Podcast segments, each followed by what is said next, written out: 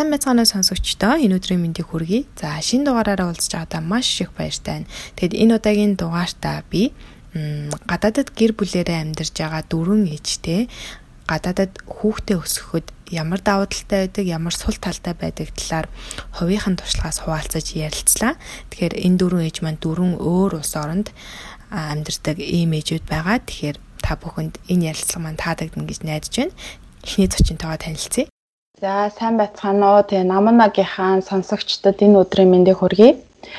Аа Наманагийн урилгыг хүлээж авснаас хойш чиний подкастыг сонирхож одоо ярилцлагуудыг чи сонслоо. Тэгээ их юм үн цэнтэй, ач холбогдолтой их юм эрхэм нандан сэдвээр ярилцдаг юм байна. Тэгээ урд нь би болгоно гадны подкастуудыг бол сонсож сонирхдаг байсан, сонсогч байсан. Тэгээ одооноос бол чиний сонсогч болж байна. Баярлалаа. Өөрөө урагдаж оролцож байгаадаа маш их баяртай байна. Тэгээд намайг Солонгоо гэдэг. Э, би өөрийгөө бол нийгмийн эрүүл мэндийн судлаач гэж хэлмээр байна. Яагаад гэвэл би нийгмийн эрүүл мэнд гэдэг шинжилгээ ухааныг их олон талаас нь судалж байна. 2008 онд би анагаахыг э, нийгмийн эрүүл мэндийн ажилтан гэдэг мэргэжлэр төгсөж байсан. А төгсөөд тэндээ Монголд олон улсын байгууллагт хүмүүнлэгийн хөгжлийн төсөл хөтөлбөрүүд дээр ажиллаж байлаа. Тэгээд тэгж ажиллаж байхдаа л нийгмийн ажлын арга зүй гэд бид нар багаараа хийсэх том төсөл ажил байдаг. Тэгээд тэр ажлыг ахлаад нийгмийн ажлын 3 тийм багц арга зүй боловсруулж гаргаж ирсэн. Тэгээд би гол нэг автор нь болж явдаг. Аа тэгээд 2010 онд би анх швед усыг зорьсон. Суралцаад ажиллаад амьдраад явдаг. Тэгээд анх бол би ирээд э, олон улсын хүүхдийн эрх хамгааллын чиглэлээр Стокгольм их сургуульд мэрэгжил дэвшлүүлээд тэгээ 14 онд болохоор нийгмийн эрүүл мэндийн мастер гэдэг э, Каролинскагийн э, институтэд хамгааллаа. Тэгээ тэндээ бол эрүүл мэндийн бодлого менежмент эдийн засаг судалсан байгаа. Тэгээ ийм хүн байна. Тэгээ гэр бүлтэйгээ 10 оноос хойш шивэд усад амьдарч. Гэр бүл охинтойгоо амьдардаг. Манай охин 4 настай. Тэгэхээр За шивэд улсад яг хүүхэд өсгөхийн давуу талыг та нэрлэж ивэл юу хэлэх үү? Бас дараа нь яг сул тал нь юу гэж харагдсан бэ? А хамгийн түрүүнд одоо тухайн улс оронд амьдарч байгаа хүүхдүүдэд нөлөөлж байгаа нөлөөллийн давуу тал сул талыг ярихын тулд эхлээд бид нар хүүхэд гэдгийг аягаас ойлгох хэрэгтэй л доо. Хүүхэд гэж яг хин гэр бүл гэж яг юу юм? Би сайн ээж аав уу? Би сайн одоо хүүхдтэй сайн үлгэр дуурайлтаа ээж аав байж чаддгүй. Манай гэр бүлийн уур амьсгал э, соёл юу юм те тэр бол айгуу чухал. Яагаад гэвэл хүүхдийн хамгийн анхдагч хүүхдийн хүрээлэн байдаг олон аспектууд гэдгийг нэг нь ялангуяа хамгийн суур анхдагч орчин бол гэр бүл.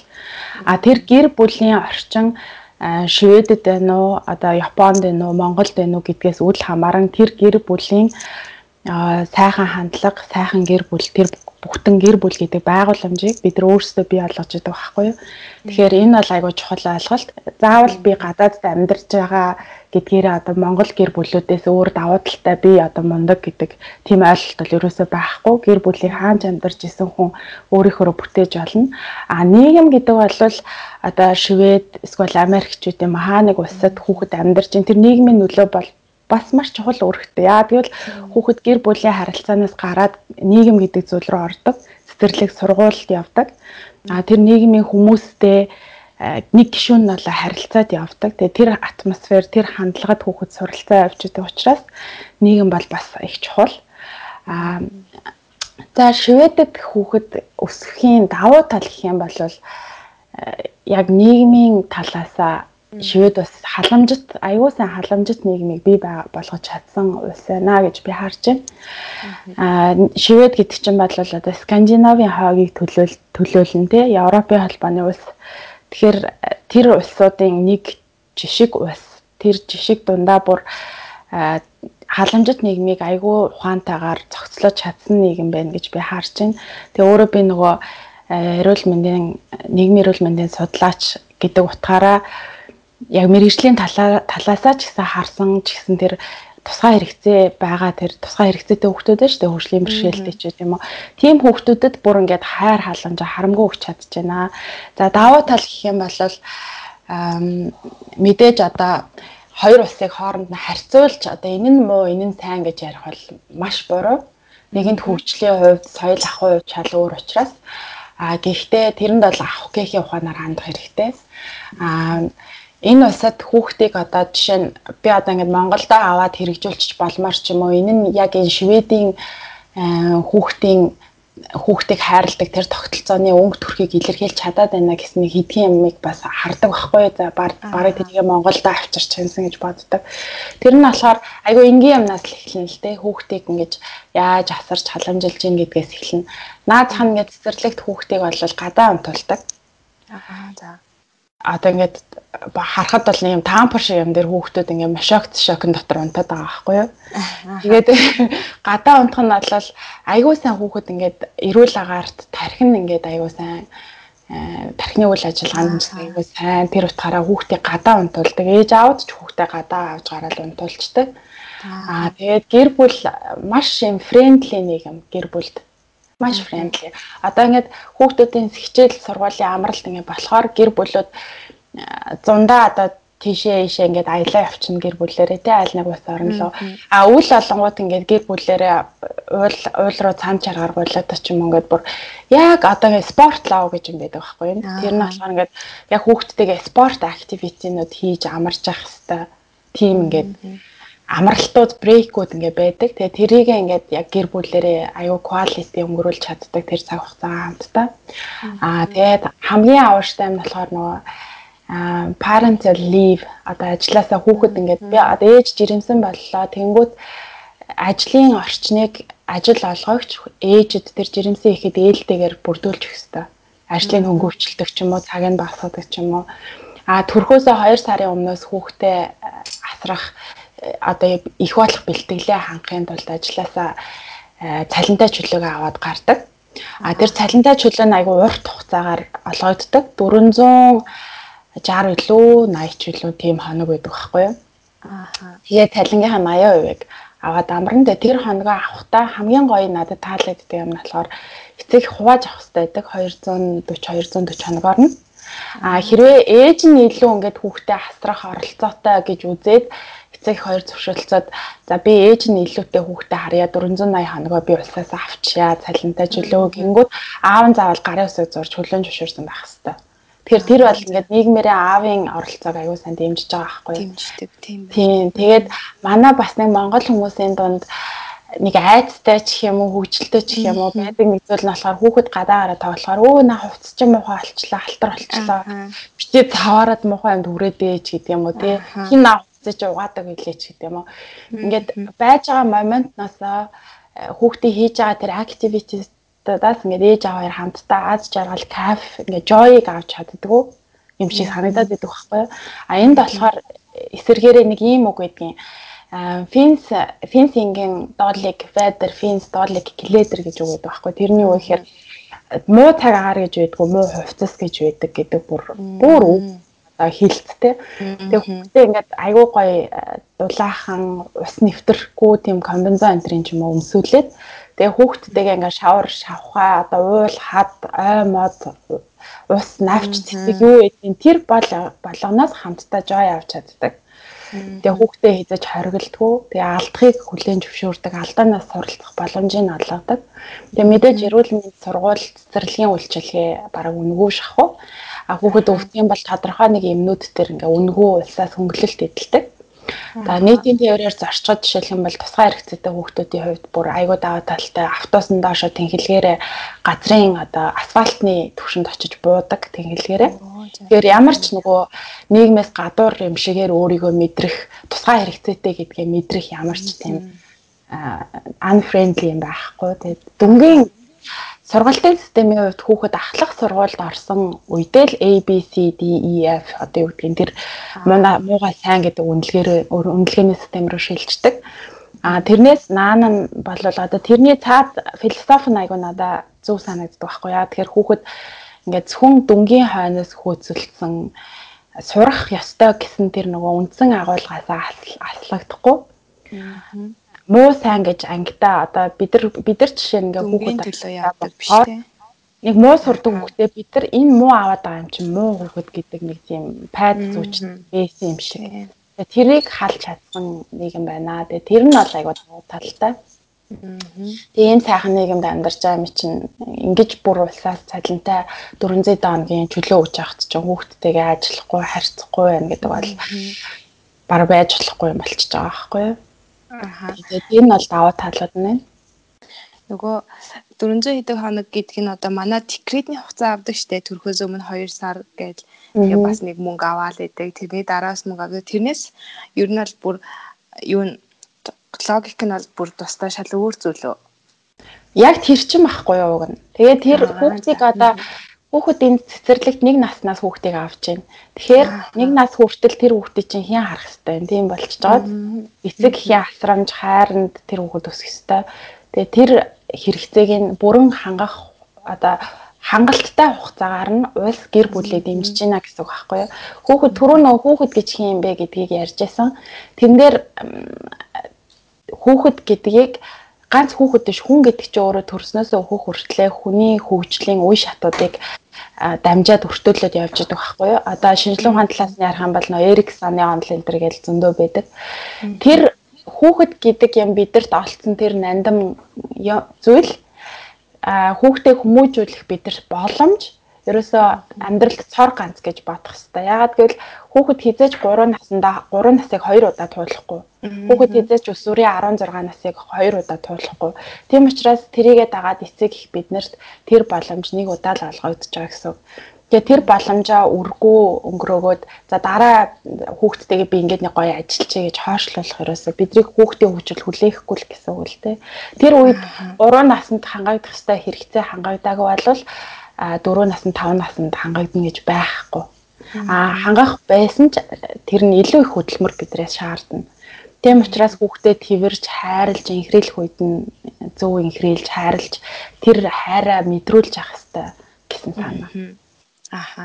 За тэгвэл сул талуудаас нь бас харагдаж байгаа зүйл юу байна? Аа за мэдээж бас сул тал байна. За тэр нь бол энэ гэр гэр бүл гэдэг цогцоор нь л би ярмаар байна л да. Гэр бүл хүүхдээс хүүхэд бол гэр бүлээс гадуур байхгүй ч бас тэр гэр бүл хідэн хүүхдийг хідэн настай байхад энэ усад шилжин суурсан бэ гэдэг асуудал байхгүй юу? Тэр хүүхэд энд төрж өссөн юм уу? Одоо манай охины хувьд бол энд төрсэн байхгүй юу? Манай охин 15 онд төрсэн. А гэтэл би 10 онд энд ирсэн гэдэг чинь нэгэсэндээ би энэ улсын хэл соёлыг эзэмшсэн энэ улсын хэл соёлд ингээд дасан зохицсон байсан үедээ хүүхэд гаргасан гэсэн үг байхгүй юу. Аа гэтэл ингээд гэр бүлэрээ анханасаа хүүхдээ одоо өсвөрийн наснд наахтан ч юм уу 10 настай ахтан ч юм уу шилжээд ирсэн гэр бүлүүдийн хувьд бол хүүхэд хэлний байраар соёлын байраар бэрхшээлүүдтэй айгуу тулаарна. А тэр соёл хэлний барьерыг бас хэн үүсгэх вэ гэхээр гэр бүл өөрсдөө бас үүсгэж болно. Хүүхэд ингээд айгүй сурамгаа Монгол хүүхдүүд чи айгүй IQ-гийн өндөр э, чадамжтай, чадвартай. Дор нь хэлийг сураад, дор нь ингээд сургууль дотроо цойлоод мундаг үе чаддаг байхгүй юу? Дороо ингээд тасан зохицох чадвар өндөртэй. Тэнгүүд нөгөө эцэг эхийн чадамж хүүхдтэй голлогдоод эхэлдэг. Одоо эцэг эхийн жишээлх юм бол ингээд ажил амьдрал гээд бас эцэг дуруу хүүхэд хэцүү л дээ мөнгө төгрөгөө олох гээд ажил төрлөө хийгээд явж аяж аав нар ингээ хил ус тал дээрээ өөрийгөө хөгжүүлж чадахгүй ингээд хүүхдээсээ хоцрогдчихдаг. Тэнгүүт нөгөө э, гэр дотор э, хүүхдийн гадаа байгаа ертөнцөөс өөр ертөнцөөсөд эхэлдэг. Тэнгүүд тэндээс нөгөө хил соёлын бариар бас үүсч болно хүүхдэд бэрхшээл. Наазах нь ингээд ээж аав нь хүүхдээ хүүхэд нь ингээд шин соёлд ингээд уусаад илүү чөлөөтэй байх гад өөрийгөө илэрхийлэх гээд идэг. Гэтэл нөгөө ээж аав нь уламжлалт хандлагаараа чи битээ насанд хүрсэн хүмүүсийн шийдвэрт оролцоод ярианд ингээд ороод үнэлт хилээд ичи тийм үү те. Хүүхдээ ингээд жоохон хүндлэхгүй нэгсэндээ хүндлэхгүй байх гэсэн үг л те. Тэгэхээр тэр тэр ялгаа бол мэдээж сул тал болдог. Эцэг ихийн тэр нөө background аваад шүү дээ тий. Тэгээд quality time бид нар бас хэрэг их хүүхдтэй quality time өнгөрөөж чаддаг хүмүүс вэ гэж бодохоор бас их шүүмжлэлтэй санагддаг. Би би өөрөө тийм айгу мундаг ээж мундаг үлгэр жишээ байхаар тийм олон хүүхэд өсгсөн юм биш л дээ. Гэхдээ ингээд одоо тэрэнд суралцаад явж байгаа байхгүй юу? Сургад хизээч оройтхгүй тэгээд нэгэнт бид нар ингээ хүүхдтэйгээ цагийг гаргаад 30 минут ч нэг цаг ч хамт байж байгаа бол тэр цагийг үр дүнтэй маш чанартай 100% тэрийг ингээ хүүхдтэд зарцуулж чаддаг баймаар байгаа. Аа тэр тэгж чадахгүйгаас бас айгүй сул тал үүснэ. Одоо ингээд гадуур ингээд хүүхдээ аваад явахаар айгүй их ингээд ээж аваад хамтдаа хийж болох хүүхдтэйгээ хийж болох юм activity гой гой юмнууд айгүй зохион байгуулагддаг. Тэгээ тэрэнд ингээд орчоод жишээлх юм бол одоо Facebook ухаалч юм уу тий. Ингээд тэр ингээд өөртөө оногдож байгаа хүүхдтэйгээ өнгөрөх тэр гоё цагаа өөр бүтээлтэй өнгөрөөж чадахгүй болвол тэр нэгэнтэй quality time биш болно. Тэгээ тэр өөрөөс л хамаарах гэр бүлийн гишүүдээс ээж аваас өөрөөс хамаарах сул талууд айгүй хөөсч болно. Тэрнээс нийгэм бол үнэхээр гэр бүлийг айгүй гоё фрэндли дэмжиж чадчихээн. Аа тэгээд өснө гэр бүлээс хамтдаа өснө дэмжиж дэвжих хэрэгтэй. Аа тэгэхгүй ингээд хүүхдээсээ хоцрогдоод нийгмээсээ бас ингээд хил усын сурахгүй хаашаа суугаад тах юм бол тэр бас айгүй их сул тал барьеруудыг авчирна. Аа тэгээд нөгөө талдаа бас ингээд энд өсөж байгаа төрж байгаа ингээд хэл соёлт нь ингээд уусцсан хүүхдүүдийн хувьд нөгөө соёл уламжлалаа суралцахгүй байх сул тал бас гарч ирдэг.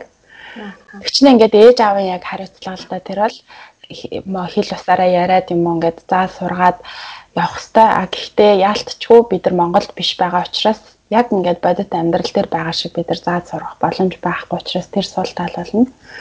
Аа нөгөө төгөр бас хэлний асуудал. Гэхдээ ямар хэлээр хүүхдтэйгээ ярих вэ те? А манай охины хувьд болохоор ингээд энд төрсэн хүүхэд. Тэгээ би ингээд хүүхдтэйгээ надад айгүй анхандаа айгүй бас хэцүү байсан байхгүй шийдвэр гаргахад би хүүхдтэйгээ швед хэлээр яриад ах юм уу, англи хэлээр яриад ах юм уу, монгол хэлээр яриад ах юм уу гэд. А нэгэнт манай хүүхэд бол швед хүүхэд биш Аз хүүхэд Монгол хүүхэд учраас тариа төрхний хувьд бусдаас ингээд өөр те. А тэр хүүхэд бас дээрэс нь хэлэн сайн биш ах юм бол одоо өөрөөгөө швед хэлээр илэрхийлж чадахгүй хэл дудаа ингээд 2 3 хэлээр ярьснаас болоод төөрөлтөд хэл дудаа орох юм бол найз нөхдөдтэй болж чадахгүй те. Энэ энэ асуудлуудыг ингээд бодоод нэгэнт биш швед усад амьдарч байгаа юм чинь миний хүүхэд найз нөхдөдтэй болж хайрлагдаж хамт олонтой байж тоглож те өөрийгөө ингээд нийгэм дотор мэдрэх тэр хэрэгцээ айгүй чухал байхгүй юу а тэр хэрэгцээнд дутуу хангагдах юм бол манай хүүхдэд сэтгэл санааны хувьд ч тэр таатай байдал үүсэхгүй тэгээ тэрийгээ би бодоод анхнаасаа охинтойгоо швед англи хэлээр яриадсан байхгүй юу тэгээ тэрнээсээ болоод би айгүй их нөгөө э, шүүмжлэлд өртөжсэн. Яагаад чи ингээ монгол хийж ээж хүүхдтэйгээ монголоор ярихгүй аа гэд. Тэгээ надад бол дотроо ингээ ботсон юм байсан байхгүй юу. Тэгээ одоо манай охин ингээд дөрөв дөрөв нас хүрээд шведээр ингээд айгүй урд хэлд орсон л доо. Тэгээд найз нөхдөдтэй болцоо одоо ингээд сургууль цэцэрлэг дээр хүүхдүүдэд айгүй хайрлагддаг. Айгүй олон найзтай харахад их сайхан байдаг ээжээ. Аа эргээд одоо би монголоор ярьж эхэлж байгаа хүүхдтэйгээ. Аа. Тэнгүүт манай охин ингээд төөрөлдөх юм үүсэхгүй. Монгол хэлээ эсэргээрээ бүр айгүй сайн сурж байгаа байхгүй юу?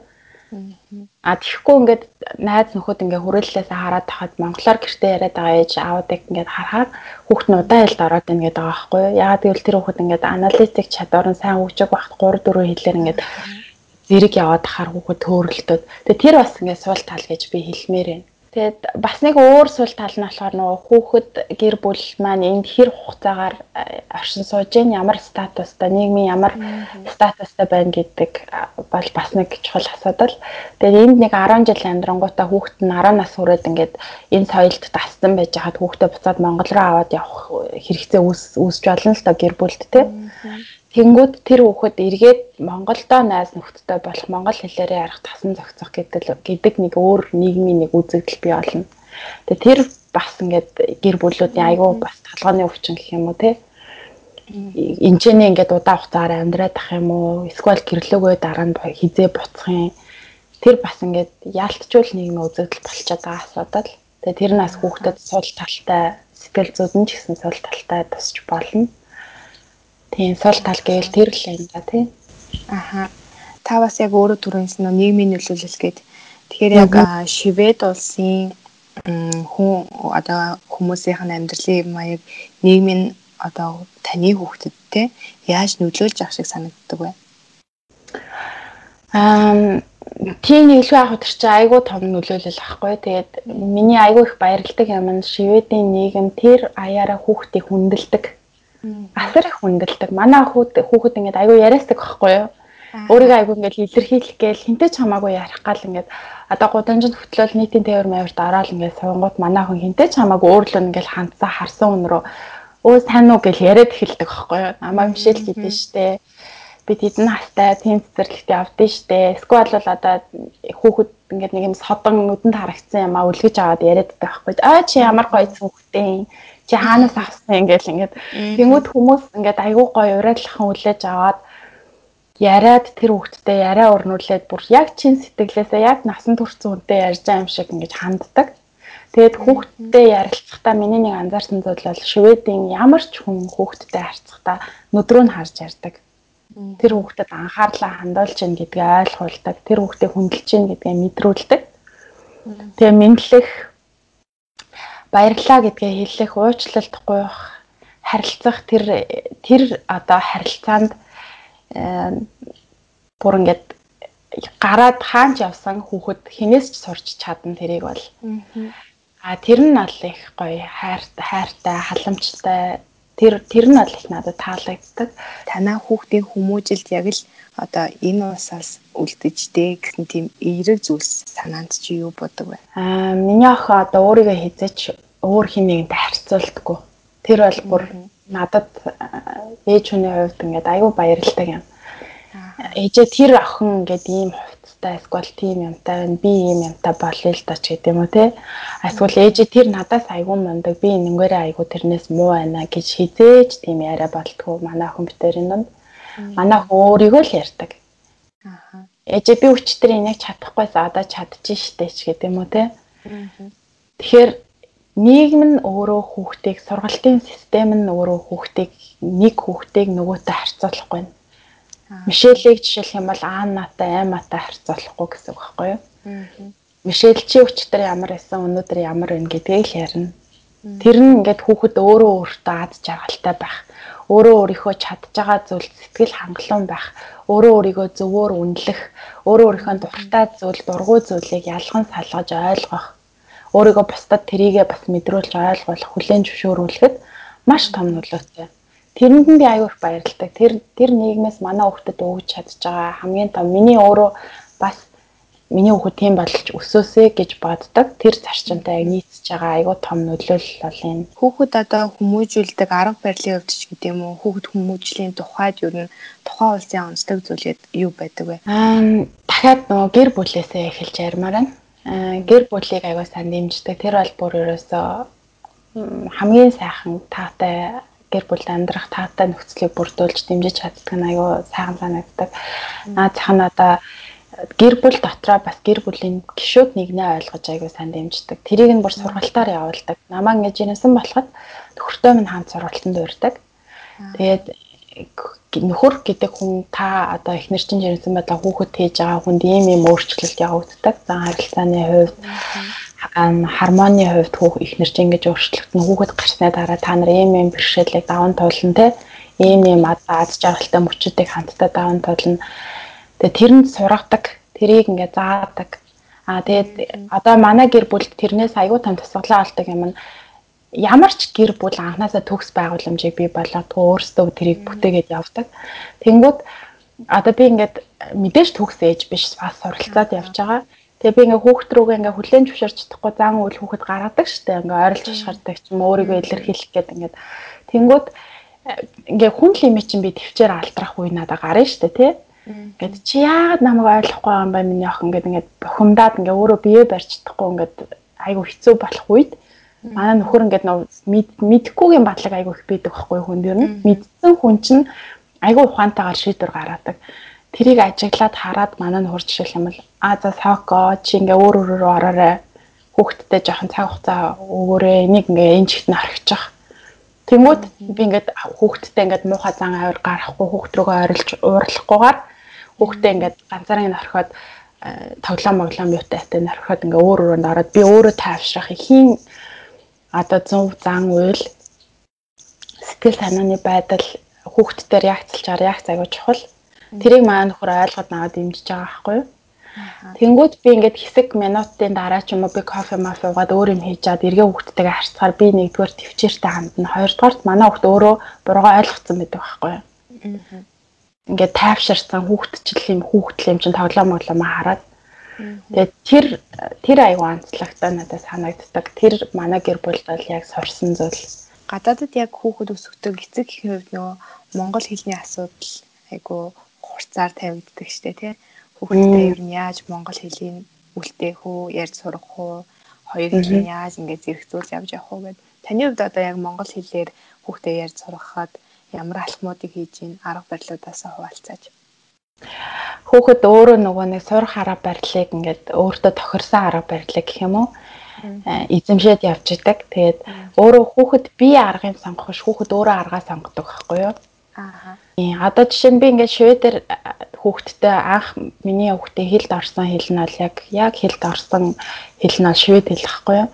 Аа гэхдээ манай хүүхэд өөрөө одоо юу гэдэг сэтгэн бодох чадварын хувьд бэлэн болоод ирэхээрээ олон хэл сурах ингээд чадварт суралцсан байж та арга барилд суралцаад ирчихээрээ хүүхэд өөрөө ингээд аавтайгаа ээжтэйгээ эмээтэйгээ өвөөтэйгээ ингээд эргэн тойрон гэр бүлийнх нь орчинд бол бид нар чинь Монгол л хүмүүс юм чинь ярих гад өөрөө ингээд цаг нь болохоор ингээд хүсээд оролдоод эхэлдэг. Тэр үед нь аюу сайн дэмждэг. Тэгээ манай хүүхд ингээд Монгол Google-тэй үлгэр одоо ингээд интернет байгаагийн айгуу сайн даваа тал тэр байна л да. Үзэх дуртай. Айгуу их асууна. Энэ юу вэ жээ. Одоо гэр те гэр сууц. Ингээм бид нар чинь ингээ гэрт бас сувнер энэ төр байна л да. Тэрийг асууна. Ээж энэ юу вэ? Яаж харагддیں۔ Яад юм. Тэгээд тэрийг нь заахтаа одоо Монгол жишээлх юм бол ахуйг гадаад хэл дээр тайлбарлах ямарч баг боломжгүй шүү дээ хэцүү тий. Тэнгүүд тэрийг яг монголоор нь л хүүхэд хүлээж авна. Тэр бол яг монгол монгол брэнд ахгүй юу? Тэрийг бол өөрөөр яаж тайлбарлах боломжгүй. Тэгээ хүүхэд өөрөө өөрийнхөө өөртөө хамгийн амархнаар тусдаг арга барилаа өөрөө ирж хайж олдог. Тэгээ тэр үед нь эцэг зүгээр дэмжих нь бидний өөрийг чиглүүлж өгнө.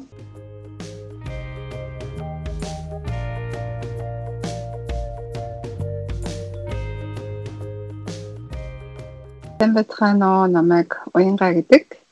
Би одоогоор Японы Киото хотод нөхөр дөрвөн хүүгийн хамт амьдардаг. Ам бүл зургуулаа. Тэгээд ам Японд одоо амьдраад бараг 10 дахь жилдээ орж байна. Тэгээд бүх хүүхдүүд маань энд төрсэн. Гэхдээ би өөрөө сайн япон хэлгүй. Анх энд ирээд хүүхдтэй болоогүй байхдаа бас сайн япон хэл мэдэхгүй болохоор англи хэлний багшийн л ажил олдчихсэн. Тэгээд англи хэлний багшийн ажлыг 5 жил хийгээд тэгээд хоёр дахь хүү маань гарах үед бас яг багшийн ажлын одоо цагийн хуваар нь айгу гэр бүлийн маань одоо амьдралын хэм маягтаас жоохон цогцохгүй болж ирсэн л дээ. Тэгээд тухайн үед нөхөр маань олон цагаар ажилладаг байсан болохоор хэцүү байсан ч гэсэн шийдвэр гаргаад тэгээд хүүхдүүдэд гэртээ ер нь бүтэн цагаар харах хэрэгтэй байна гэд бас ажилласаа гарч исэн. Тэгээд дахиад 3 дахь хүүхэдтэй боллоо. Тэгээд 3 дахь хүүхэдтэй болоод яг дахиад шинэ хувийн одоо бизнесээ эхлүүлсэн. Тэгээ одоо хүртэл тэр ажлаа гэрээсээ өөрийнхөө зав зайгаар хүүхдүүдэд харангаа амжуулаад явдаг гэж юм хэлж болно. Гадаадд одоо хүүхэд өсөхийн давуу тал болон сул талыг та манай сонсогчдод хэлж өгөөч. Одоо бас гадаад руу нэлээд олон хүмүүс явдаг болсон байна. Тэндээ аялж байгаа ч байгаа, амьдарч байгаа ч байгаа тий. Тэгэхээр одоо яг нөгөө бас шийд гарах гад хүүхдтэй гэр бүлүүд маань яах вэ, яах бол гэж эргэлзэж байгаа хүмүүс байвал давуу тал нь юу байдгийг, сул тал нь юу байдгийг гэдэг теслаар тодорхой манай сонсогчдод ярьж өгөөч. Миний хувьд болохоор яг бас хүүхдүүдээ яг удаан хугацаагаар Монголд өсгөж ерөөсөө үзээгүй болохоор зөвхөн гадаадд байсан туршлага маань илүү давмгай гэж хэлж болно. Тэр талаараа яг Монголд өсгөх талаар бол зундаа хүүхдүүдэд дагуулад амралтаар тий зуны амралтаар урттаа л нэг 2 3 сар амарч исэн тийм туршлагууд дээрээ үндэслээд Тэгээд бас Монголд байдаг найз хамаатнуудынхаа туршлагууд дээр л үнэлээд өөрөө харьцуулж тий. За миний хувьд бол гадаадд хүүхдээ өсгөх тийм гоё гэж бас шууд хэлэхгүй.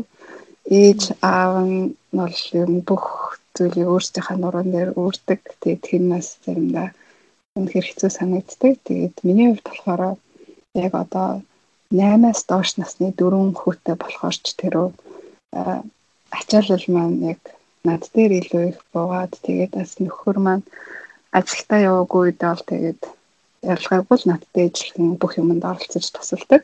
Бид хоёрт бол үнэхээр амрах тэгээд бас өвдөх тий. Эсвэл үнд төр харуулад нэг жоохон цэник авах гэсэн тийм боломжууд бол ер нь байхгүй. Тэгээд яг хизээ бит хоёрт тусламжууд ирдэг вэ гэхээр би яг нэг маамуулах бүрт одоо Монголоос ээж маань тэгэл дүү маань хамаг ажиллаа зохицуулж байгаа л яг нэг нялх биетэй төрөх тэг хэцүү яг уюудад бол ирж тусалдаг. Гэхдээ бас тэд нар маань гэсэн ажил амьдралтай өөрсдийн гэсэн гэр бүлтэй болохоор бас юм удаан ирээд туслаад байж чадахгүй. Ерөнхийдөө бие даах тал дээр бол зарим үед бол үнэхээр бас хэцүү санагддаг. Монголдо зундаа очиод амарч байхад бол одоо үнэхээр би амарсан болдог яа тэгэхээр тэнд туслах хүмүүс маш их.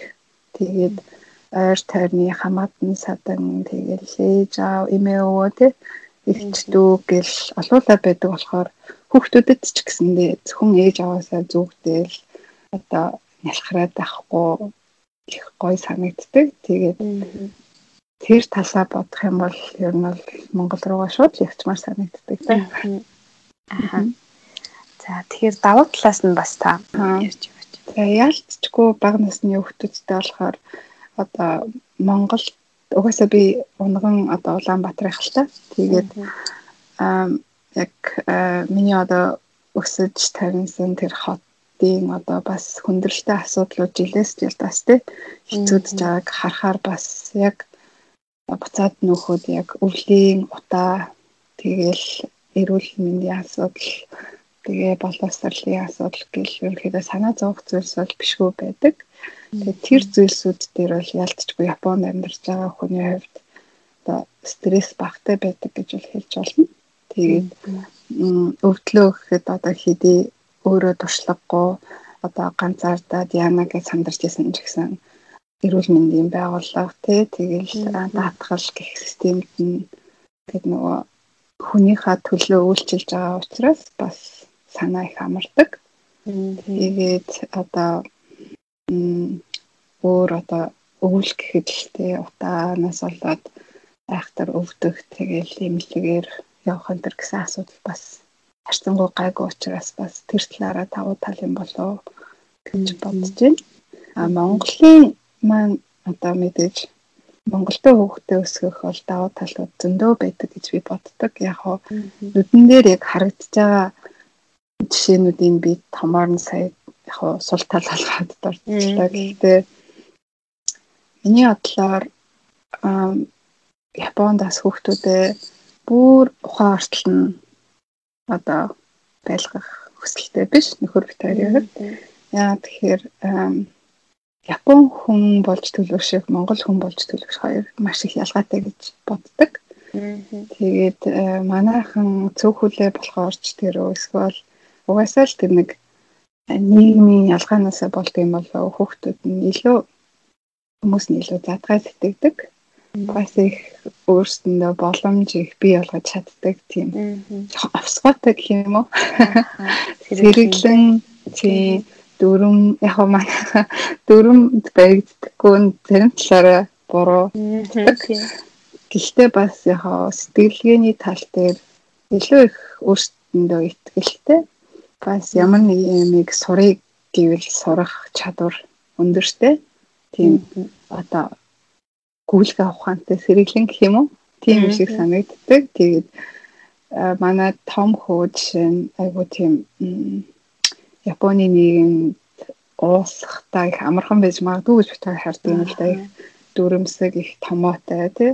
Тэгээ хүний үгээрч гэх юм уу? Тэгэл бас ер нь яг эндээ байх юм бол яг ялтчгүй монгол хүн ээж аав нь монгол. Гэхдээ зарим нэг талаараа их япон хүн шиг болж магадгүй юм шиг санагддаг.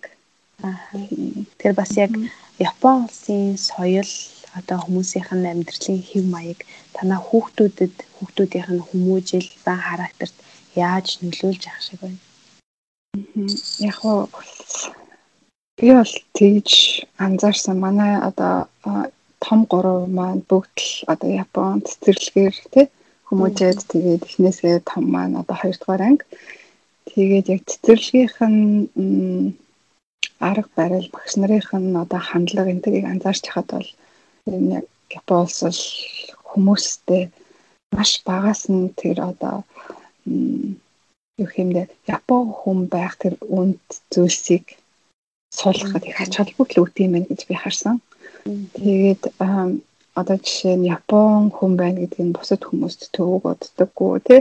Тэгээд өөрөө хувийн маш өндөр хариуцлагатай бие даасан гэтэргээд чанарууд байдаг хгүй. Тэгээд яг тэрийг бол ерөөсөө бүр хоёр настай, нэг настай ангийн цэцэрлэгийн ангиудаас эхлээл яг насанд нь таарсан жохон жохон зүйлсээр гэд их ухуулдаг юм шиг санагдсан. Одоо маш энгийн байдлаар тэгээ хүүхэд барыг тэрийг сураад байгаач баг анзаархааргүй байдлаар ингээд сургачдаг. Тэгээд яг тийм системчилсэн улсын бодлого гэж манай Монголд маань байдаггүй юм байна харагддаг. Тэгээд ялцчгүй хэдэн жил тийм цэцэрлэгийн жилүүдэд ингээд туулаад өнгөрөөд тэгээ сургуульд ороход бол баг хүүхэд тухайн нийгэмдээ ингээд бэлтгэгдсэн. Бие яаж авч явах хэвтэй те олны донд тэгээд хувийнхаа ямиг яаж арчилж тортож явах хэвтэй, өөрийнхөө аминд яаж хариуцлагатай байх хэвтэй, яаж бусдад төвөг утахгүй байх хэвтэй гэдгийг бас тодорхой хэмжээнд нэлээд ойлголттой болчдөг юм шиг санагдсан. Тэгээд агүй жижигхэн юмнууд дээр л ер нь одоо заахаа загаа явчихд юм байлээ тий. Тэгээд цэцэрлэгүүд нь ерөнхийдөө нэг тийм жигэд бид нар бас айгүй олон ийшээ тийшээ нөхрийнхээ ажлаас хамаарат нүдгэлтэй. Манай нөхөр нөгөө барилгын салбарт ажилладаг. Тэгээд тухайн одоо харьяалагдж байгаа барилга нь баригдаад дуусгаар дараагийн одоо project руу шилжээд тий явдаг болохоор бас бид нар дагаал юм 2 3 жилдээ нүүж барьж байсан. Тэгээд цэцэрлэг сургууль ингээл солигдох бүрт ер нь бол зэрлэгийн багш нарын тэр хүүхдүүдтэй харьцаж байгаа арга барил ер нь л жигд шүү. Ер нь бол айгүй их бусдыг бодно. Одоо заримдаа бас би тэр талыг 100% бас айгүй сайн зүйл гэж бас боддгоо л дээ үнэхээр. Аа хит бусдыг бодоод бас өөрсдийгаа ингээд хомин гэх юм уу барих гэдэг юм шиг хандлага бас харагддаг. Тэгэхээр бас хувь хүн нь ямар хүн бэ те хэрэг тэрийг одоо хүн дээр тусгаж хүлээж авч ийн вэ гэдгээс бас их болж байгаа хэл та. Мэдээж хувь хүнийхээ зан характераас шалтгаалаад одоо манай монголоор бол жоохон сахилга гуу чигээрээ байдаг хөрхөн хөвгтүүд ч байдаг те. А зарим хөвгтүүд нь болохоор яг тэр дүрмэнд нь баригдаад бас их тийм бие барьсан номын гэх юм уу номо болгоч тохиолдод байдаг. Гэхдээ ер нь бол одоо их олон сая хүнтэй тэгээд ийм чигжүү бас амьдрдаг хүмүүс яалтчгүй ийм нэг дэгтэй тэгээс бусдыг боддог байх нь бол энэ Японыхаа нөхцөл байдалд хэцүү санагдаг. Гэхдээ манай Монголын одоо хээгүү гэж үг гэдэг шүү дээ. Хээгүү тэгээл одоо хинэгүүч гэх юм уу. Гүндүгүүн тэгээд бас өгнүүд маань жоохон дураараа байхыг хэлээд байгаа юм шиг санагддаг. Тэгээд аа бас бүгдөө дур дурынхаа ямиг хийгээд нийтийн эрх ашиг те тэрийг бас бодолцоогоос олоод манай нийгэмд олон янзын асуудал байд юм болов гэж харагддаг. Тэгээд тэр талаасаа бол Японоос энэ сурж байгаа манай хүүхдүүдэд сууж байгаа энэ нэг одоо юу тийм дээ зан характерын төлөвшлийн одоо тийм эерэг зүйлсүүдийг бол их дуртай хүлээж авдаг. Яагаад тэгэхээр Монголда буцаад очсон ч гэсэндээ ядаж зөвхөн өөрийнхөө эрх ашигыг бодоод би би гэд байхгүй бас өөрийнхөө эрх ашигаас өмнө яа эн чинь юу вэ? Бусдад маань яаж тусах вүлээ те? Миний одоо хийж байгаа сонголт өөр хүмүүсийг одоо бас хэцүү байдалд оруулж байгаа билүү гэж бас боддог байх. Тэр чанар чанар нэг чухал үнцэнтэй болов гэж бас үнэлдэг. За Японы хувьд ер нь одоо хүүхэд хүмүүжлийн арга барил гэх юм уу одоо нөгөө хүүхэд өсгөх хүмүүжүүлэх тал дээр ажиглагддаг нэг тийм онцлог зүйл байдаг уу? Миний анзаарснаар ер нь бол ээжүүд нь одоо хүүхэдтэй болоо тэгээд нэг хоёр хүүхэдтэй бол бас яг Японд бүтэн цагаар ажиллаа хийгээд бас хүүхдүүдэд амжилтдаг ээжүүд юм ховор юм шиг санагддаг. Яг нийгмийн нас жоохон маш их хүнийг ажилуулдаг те бүтэн цагаар ажиллаж байгаа хүмүүсийг тэгээд нөхөр нь ингээд олон цагаар өглөөнөөс ороод ажилладаг бол ээжүүд нь ажиллаач гэсэн хүүхдүүдийнхаа цэцэрлэг сургуулийн цагт хязгаарлагдаж ажилладаг л да. Тэгээд заримд нь бас тэр нь маш их ачаалттай байдаг болохоор шинэ хээжүүд нь бас гэртээ байх сонголтыг ер нь дээр үеэсээ хийж исэн юм шиг санагдаж байгаа. Бас сүүл рүүгээ өөрчлөгдөж магадгүй. Гэхдээ ээжүүд нь гэртээ ингээд одоо хүүхдүүдэд хариуцаад суухаар манай Монголтой харьцуулахад тэр гэртээ хүүхдээ болон гэр орноо араа даагаад явж байгаа тэр ээжүүдийг нийгэм ингээд маш өөрөөр харж үнэлдэг. Ер нь бол Монголд бол жоохон сөрөг байдаг штэ. Оо ингээл хийх юмгүй гэртээ суулсан хүн гэдэг ч юм аа тий. Тийм тийм нийгмээсээ хоцорлооч гэж юм. Тэгэж юусаа хардаггүй. Харин ч одоо анкет те бүглэх одоо юм нөгөө нэг минут гэдэг чинь application form энэ төр чинь би ингээд бүглэхлөө гэхэд гэрийн одоо монголоор хэл гэрийн авгаа гэж бичгээд бол ажил мэргэжил дээр тэгээ бичдэг байхгүй юу? Аа одоо housewife гэж бичсэн тэгээ шүүх японоор шүүфөө гэл. Тэгэхээр анх надад тэр айгу санаа санагдсан. Гэхдээ ингээд нийгмийн ингээд анзаараад тахад гэртээ хүүхдээ хараад хүүхдээ өсгөхөд бас ингээд гар бие оролцоод нөхрөө ажилдаа завгүй байхад ар гэрийнхаа бүх юмыг ингээд зохицуулаад явж байгаа ээжүүдийг маш ихээр одоо хүндэлдэг юм байлээ. Гадаадд хүүхдээ өсгөж байгаа яг ялангуяа одоо энэ өсөж яваа хүүхдүүд байгаа шүү дээ. Энэ хүүхдүүдийг өсгөхөд нэг толгортой юм нь хэлний асуудал байдаг юм шиг байлаа тий. Тэгэхээр таны хувьд одоо монгол хэлний хэл дээр нь яаж анхаарч юм? Ерөнхийдөө монгол хэлний үнд цэнийг байг өндөрт тавьдаг. Манай хүүхдүүд хэдий бүгд Японд төрсэн. Одоо гээд одоо тиймэрхүү бас өөр найзууд маань байна л та. Ижлэхэн ингээд хүүхдүүд нь бүгд Японд төрсэн. Тэгээд ээж аав нь бас их устцаас Япон хэлтэй болохоор хүүхдүүдтэйгээ бас ойлголцох нь Японоороо амархан гэдэг. Бас тийм одоо тэр шалтгааныг нь бол би үнэхээр ойлгож байгаа. Гэхдээ манай гэрийн хувьд болохоор хүүхдүүд манд хоёр хэлтэй гэж ярих юм аа те гэрээсээ гараад цэцэрлэг сургууль дээр очиод бол яг л Япон найз нөхөдтэйгээ багш нартайгаа Япон хүүхдүүд жишээл тутахгүй ойлголцоол яриад харьцаа явцдаг. А гэртээ орж ирээд надтай аавтайгаа хоорондоо энэ төр тоглож байхдаа ярьж байхад нь ер нь сануулдаг. Ер нь бол орж ирэхээр л өөртөө өөртөө мэдлгүй шилтждэг. Тэгээд маш олон одоо найзууд маань ч гэдэм өөр гадаад байдаг найзууд манай хүмүүстэй уулзахаараа ч гэдэм юм уу бичлэгийг хараад сонсохороо айгүй сайн Монгол хэл хэл нь айгүй сайн байна гэж их бас урамшуулж магтдаг. Би Монголоос маш их номнууд авчирч уншиж өгдөг. Аа тэгээд зундаа ер нь хэдий зардал өндөр тасдаг ч гэсэн яаж игээд хүүхдэд аваад Монгол явах дуртай бас очоод эмээөө тэгэл босод үеэлүүдтэйгээ энэ төр тоглож харцдаг, ойлголцдог байх нь чухал санагддаг. Би дөрөв гуравт хүүгээ гарахад миний хувьд ухаарсан нэг маш том нүдийн маань нэгсэн зүйл байдаг гэж боддог. Тэр нь юу гэхээр дөнгөж анхныхаа хүүхдийг гаргаж байгаа ээжэд ямар ч ийж тийм байдаг болов уу гэж би асуусан. Бүгд ингээд маш мундаг ээж байх хүсэлтэй. Тэгээд мундаг ээж байх гэж маш ихээр хичээдэг. Бас тэр нас заримдаа бид нэр өөрсдөө маш ихээр зовоож ядраж яадаг гэдгээ мэддэггүй.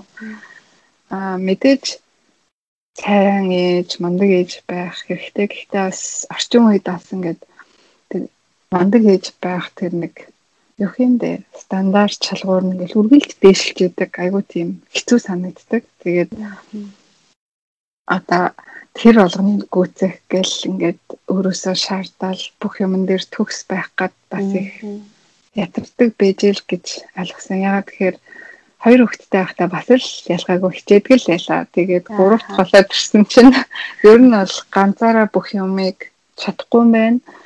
Аа миний одоо хамгийн мундаг байгаа байдал одоо жишээлбэл заримдаа стрессцэн байдлаар тэр мундаг байх гэж чих нь манай гэр бүлд хэмч хэрэгтэй зүйл биш. Харин эсвэргээрээ би бас өөртөө цаг гаргаж чаддаг, өөрийгөө бас бодож чаддаг, жоохон ч гэсэн амиа боддог ээж байгаад дотроо би аз жаргалтай байгаад зарим юмн дээр төгс биш байсан ч гэсэн тэр маань эргээд гэр бүл маань маш чухал юм байна гэдгийг ойлгож эхэлсэн л дээ. Тэгээд би түрүүн танилцуулга дээрээ хальтд орсон шүү дээ тий. Гурав дахь хүүхдээ төрүүлээд би дахиад одоо хувийн бизнесээ зориглоод эхэлсэн гэж тэр нь яг яасан бэ гэхээр би одоо ингээ хоёр хүүхдийг гэртээ хараад яг айгүйх ганцаардаад тэгээд тэгээ хүүхдүүдэд харахгүй гэж яах вэ тий. Ингээл ганцаарсан ч гэсэн ингээл хэцүү ч гэсэн ингээл бэжэтлээ дахиад жирэмсэн болоод гурав дахь хүүхд маань гарахлаа. Тэгсэн чинь ингээл яг жирэмсэн багтаа би айгүйх ингээд стресссэн. Ямар бодол намайг айгүйх айлгажсэн бэ гэхээр за ингээ хоёр хүүхэдтэй байхдаа би ингээд маш их ингээд одоо нийгэмээс таслагдаад ганцаардаад ийм мэдрэмжтэй хэцүү байсан юм чинь гурав болохоор би тэгээд ингээд зүгээр би гэдэг хүн байхгүй болох юм байна. Эсвэл би зүгээр энэ хүүхдүүдтэй үйлчлэл гэр бүлтэй үйлчилж идэл тэгээд дотроо бол би одоо уянга гэдэг хүмүүс дотроо ингээл баг багаар үхэлэх юм те. Зарим хүмүүс энэ дээр маш их шүүмжлэлтэй хандаад идэв. Гэхдээ би болохоор яг бодит байдлаар хэлж хэлж байгаа. Тэгээд ингээд айгүй ингээд дотор харалж исэн.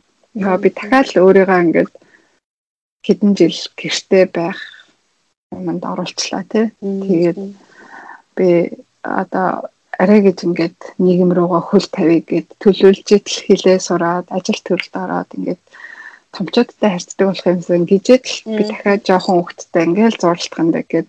Агиох ингээд татар харж байсан. Тэгж яхад би одоо миний хувьд бол тухайн үед хамгийн олон хүүхэдтэй болсон үе маань хамгийн амьдрал маань завгүй дээрээ тий ачаалттай дээрээ очиж хахад би яг тэрнтэйгээ давхцуулаад би шинээр зориглоод цааш нь одоо ажил руу ажлыг эхлүүлсэн. Тэгээд тухайн үед бол хүмүүс барыг галзуу юм уу гэж л харж байсан бахаа. Тэгэхээр чи энийгээ барахгүй штэ тий. Яа тэгэхээр гурван хүүхэдтэй харах гэж нусаа хацартана зү.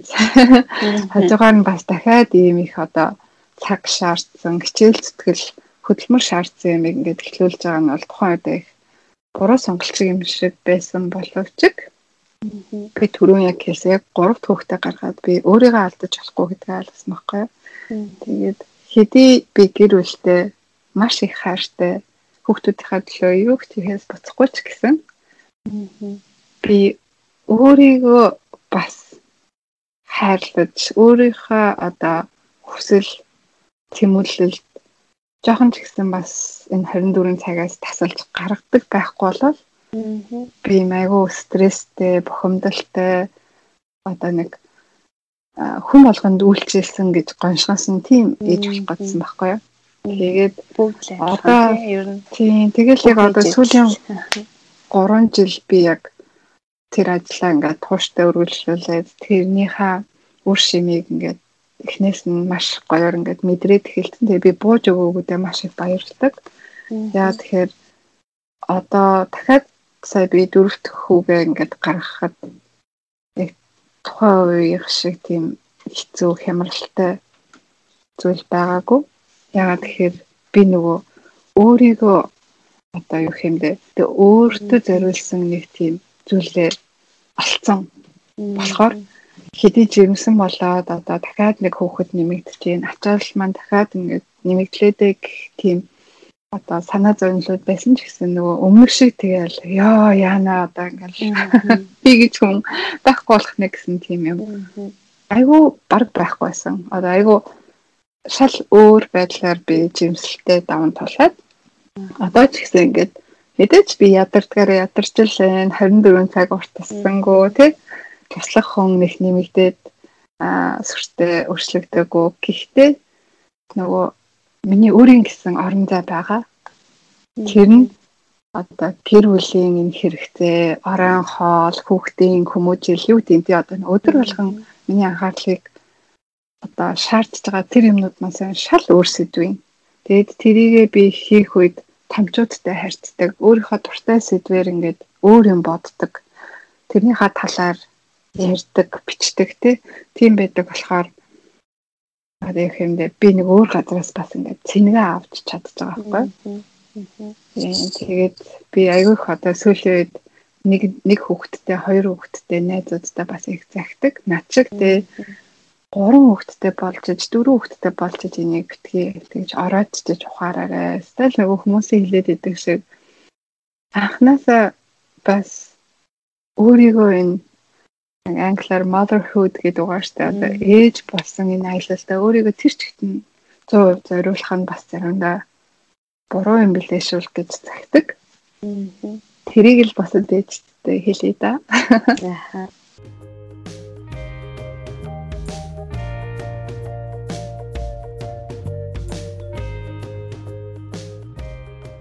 За сайн байцгаана уу? Намайг Алтан цул гэдэг. А хайртай хань болон гурван хөөрхөн хүүхдүүдийнхээ хамт Америк нэгдсэн улсын Калифорни мужийн Б ариад амьдран судаг. А олон улсын санхүүч аудитор мэрэгчлээ. Манай нөхөр болохоор хөрөнгө оруулалтын чиглэлээр ажилладаг.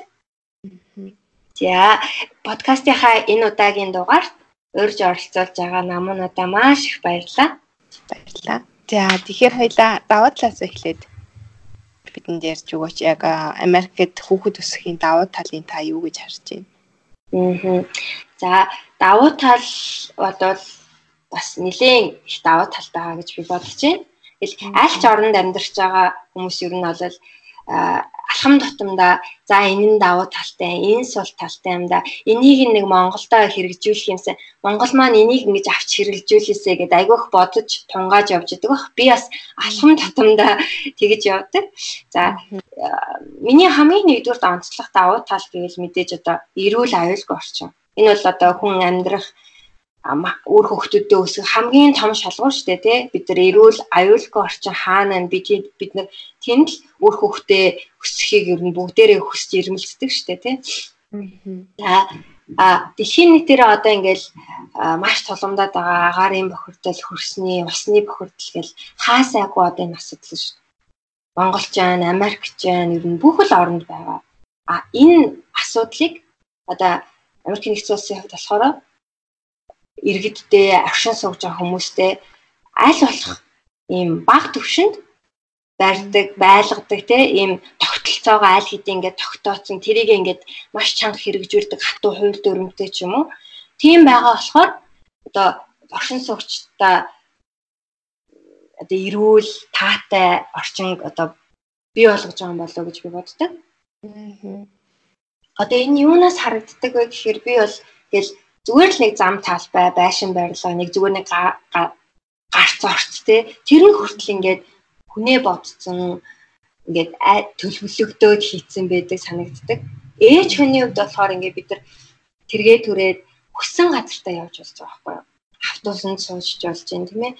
Автобус нь ингээд бүр доошоо ингээд болоод гүүрэн зам гаргаад тэрхэн цэртэй хүн болон одоо хүүхдийнхаа тэрхтээ явж байгаа хүмүүс ингээд тусгайлаад ингээд оруулдаг. Тэр болгоно бидэрт чинь бас айгүй гой санагдаж байгаа байхгүй юу? Монголд бол ингээд тэр тэрэг манай найз нь хэлжсэн. Чи тэрэг авч явах байгаа юм би. Монголд тэр их баг хэрэгэлдэг штэ тэгжсэн. Бид нар болохоор Монголд тэргийг ингээд яг байрныхаа гадаа л хүүхдээ салхилуулахтай хэрэгэлдэг штэ тий. Тэгэхгүй ингээл төрөө зам гарыг ч гэсэн ингээл овон товонгоос эхлүүлээл хол явах ямар ч боломжгүй байдаг тий. Тий. Энийг бас ингээд яванда одоо дугуун зам тавьсан шигэ утахгүй ингээд айгуу гоё тийм замууд хийгдэх бах бүтээгдэх бахаа гэж найдаж байна. За тэгээд за тэргээ түрээд ингээ хашаач явлаа тийм үү. Тэгээд өөрчлөлгээний газар айлч дэлгүүр тий байгууллагт орсон. Тэнд хүүхдийнхаа чихийг солих газар баг. Аа. Бүр сайхан ингээд аав нар энд ингээд зөвхөн одоо ээж нарын найл том юм хүүхдийн чих солих одоо ингээд булангууд байсан чинь аав нар ингээд сайхан одоо сошиалор ягаад аав нарт ингээд бид нар хаана хүүхдүүдийнхаа чихийг салих юм бэ гэдгээ баахан юм юу пост ингээд бүр өргөн явагдаад тэгээ одоо аав нарын эртээчүүдийн нойлд бас хүүхдийн чих солих юм болонгууд маш их хийгдэж эхэлсэн гэж би сонссон, уншсан. Тэгээ. За тэгээ бас зарим газар бүр хүүхэд хөвгөл хөрөө байгаа байхгүй юу? Аа. За тэгээд би замын хөдөлгөөнийг бас маш аюулгүй одоо давуу тал гэж хараад байгаа. Чинь одоо гарт явган гарцаар гарч байгаа хүнээ маш сайн хүндэлж гин замын хөдөлгөөнд соёлтой оролцож байна. Тийм ээ Монголд одоо замын хөдөлгөөнөөс болоод айгүй их хосол гардаг. Тэгээд тэнд нь одоо хүүхдийн эндсэн тохиолдлын тоо тэгээд жилийн хэд гэдэг зөндөө өндөр тоо байдаг. Энэ бол маш эмзэгл эмзэглэмээр амар хүнд тоолтой. Энд яагаад тийм замын хөдөлгөөн аюулгүй байна вэ? Тэ гэвэл бүр маш сайн ингээ хуульчлаад өгсөн байхгүй юу? Хүүхдүүдийг одоо заавалчгүй аюулгүй судалж суулгана. Үгүй бол ээж нь аав нь тэ эцэг их нь маш том торгуул дун. Хүүхдийг машин хизээч үлдээж болохгүй. Халуун өдөр ялангуяа тэ. Хэрвээ хүүхдийг машин үлдээх юм бол маш өндөр хариуцлагатай.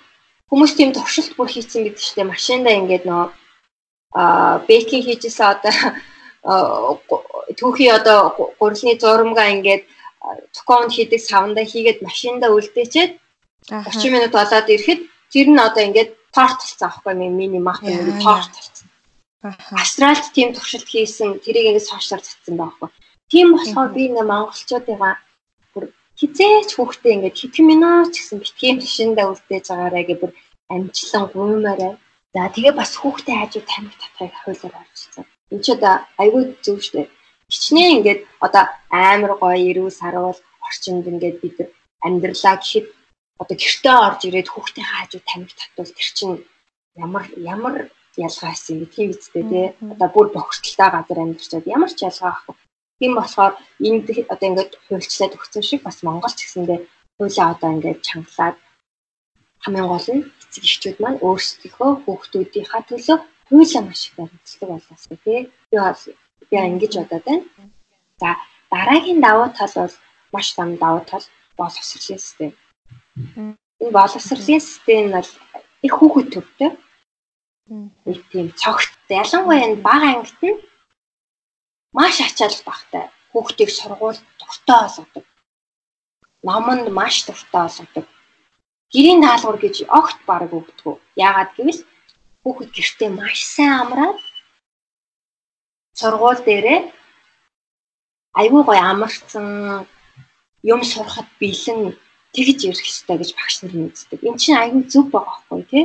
Аа. Одоо гэрийн даалгавар нь болохоор гадаа гарч тоглол хүнийг баярлуул тий дүүдээ ном уншчих бороонд бүү айгүй хөөх даалгавар өгдөг. Аа.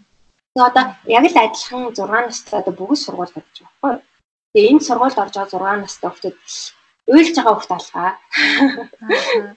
Тэгээд яагаад ингэж юм бэ гэдэг тэгээд судлаад үзсэн чинь 5 дугаар анги 5 настайд нь одоо эндхийн киндергартен гэж байгаа байхгүй. Тэр нь одоо бэлтгэл анги нь бүтэн жилийн турш бүх үсгийн заачиж байна хүүхдүүд. Бүх тоогийн заачиж байна.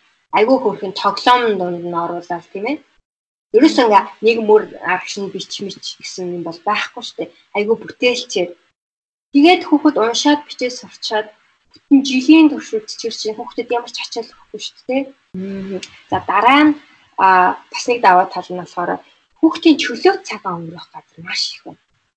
Сурч боловсрох. Одоо сургуулийнх нь програм нь одоо ингээд айгүй хөнгөн зөөлхөн болчоор хүүхдэд сургуулаас гадна яаж өөрийгөө хөгжүүлэх вэ? Тэ? Одоо Үүр жоохон 6 сартай хүүхдээс эхлүүлээл ээж автагаа очоод үжгийн хичээл суудаг. Ээж автагаа очоод хөгжмийн ангид суудаг. Ангиуд байгаа байхгүй юу? Тэр чинь ингээд хүүхдээ жоохон том болохыг хүлээж байгаа. Тэгэл нэг сургалт сургалтанд юм өгдөг шүү дээ, тий. Тэгэхээр энд бол бүр багаас нь ингээд айгүй хөөрхөн хөөрхөн сургалт хөгжлийн газруудаар ингээд сургаад бүр багаас нь ингээд сурах сонирхолтой болгочтой юм. Номын сангууд байна. Маш том номын сан дотроо тоглоомын газартай. Тоглоом дотор нь ингээд ном нь ингээд холилдоод тэгэл тийм дотор чи хүүхэд нэг тоглоос нэг ном барьж үзээд нэг тоглоос бүр багасаа хүүхэд ихэр чи ном дуртай болж байгаа юм. Тэгээ хариуцлагатай иргэн байх тал дээр бол бүр багаас нь л одоо бүр 5 настайд нь одоо ингээд улс төрийн мэдлэг өгöd эхэлж байгаа байхгүй юу? Одоо манай охин яг хичээл дээр ингээд харжсан 5 настай хахад нь ингээд юм хөрхөн э, сонин явуулаад тэр сонин дээр нь болохоор ингээд ерөнхийлөгч гэж хэмбэ цагаан ордон гэж хаана юу байдаг вэ? Цагаан ордон хідэн хаалгатай, хідэн өрөөтэй, тэр хідэн цавхтай гэдэг ингээд амар хөөрхийн мэдээлэлүүд. Тэнгүүт ингээд томроод 2 3 дугаар ангид ороод ирэхээр ингээд одоо хотын даргынхаа сонгуулийн э, ажил ингээд ангидаа ярилцж байгаа байхгүй одоо ийм хүн нэр дэвшиж байгаа. Энэ энэ хүн манай хотод ийм ийм юм хийн гэсэн байна. Энэ хүн манай хотод ийм ийм юм хийн гэсэн байна. Одоо ингээд ангиараа сонгуулаа явуулъя гэл. Айгүй мундаг байгаа байхгүй тэгэхээр чин ийм бүр багаас ийм мэдээл олцсон хүүхдүүд чинь том болоод бүгдээрээ сонгуулаа гэж штэ итгэвтэй оролцсон тий энэ маш том даваа тал болж харагдаад байгаа энэ боловсролын системд нь. Тэгээд одоо бүр багаас нь л нөгөө нэг ус төрийн мэдлэг олгодог шиг бүр багаас нь одоо ингээд байгальтай яаж харьцах уу? Одоо хамгийн гол одоо усаа яаж хэмнэх үү? Тий хогоо яаж зөв ялах уу? Яаж их зөв сайхан энэ нийгэмд одоо иргэн байх уу гэдэг ингээд заагаад явцдаг нь бас их зүгээр санагдаад байгаа. Тэгээд энэхийнхэн чинь нөгөө амьтанд маш их хайртай. Тэгээд хомуура бараг л хүүхэд шиг л хайрлж халамжилдаг. Тэгээд тэр нь бас хүүхэд их их амьтанд ойр тийм хайрладаг болж өсдөг юм болов уу гэж харагдаж байгаа. Тэгвэл одоо яг Америк улсын одоо ялангуяа олон үндэстэнгүүд улсын иргэд амьдардаг штэ тий. Тэгээд бас яг нийгмийн тэр тогтолцоо хүмүүсийнх нь амьдралын хэв маяг нь танаа одоо хүүхдүүдэд хэрхэн нөлөөлж байгаа шиг харагддаг бай. Аа. За Америкийн нэгдсэн улс ч одоо олон соёлын орн шүү дээ тийм ээ. Бүр Англид нь одоо өвчтөн олон орны хүүхдүүд байгаа. Тэгэхээр хүүхэд маш тийм бусад хүүхдүүдтэй маш олон үндэсний соёлтой ойр үсээд их нээлттэй ямар нэгэн загвар загварт ерөөсөй баригддггүй. Тэ одоо хаашаар бор хэрэгтэй эмхтэй байна уу ер нь бүхэл хүнтэй их ижил тэгш харьц сурж байгаа. Бусдыгаа хүндэл сурж гин их найрсаг тийм ээ одоо энэ чинь бие биенээ хүндлэн мэдлэн инээмсэглэн Гудамжаар зүгээр зурж өнгөрч байгаа хүн ингээд би биенийхээ мэндийг мэдээд инээмсэглээд зөрөөд өнгөрч. Би бүр энийг бүр э, маш дахин дахин хэлэх юм. Амьдралын хэв маяг нь үнэхээр ингийн. Одоо ингээд бидний ингээд а сошиалар дагдаг, инстаграм дээр хардаг одоо ингээд айгүй юм фэнси одоо амар амар юм амьдралын хэм маягтай хүмүүс шүү дээ тий. Тэр чинь Америкийн одоо би үнэхээр яг хэлбэл нэгээс хоёр хувь л гэж хэлмээр Яг ингээл бусад яг нийтээрээ маш ингээ ямар нэгэн материалын тийм юунаас аль хэдийн гарцсан. Тэр нь манай хүүхдүүдэд айгүй эрэг нөлөөлж байгаа байхгүй юу?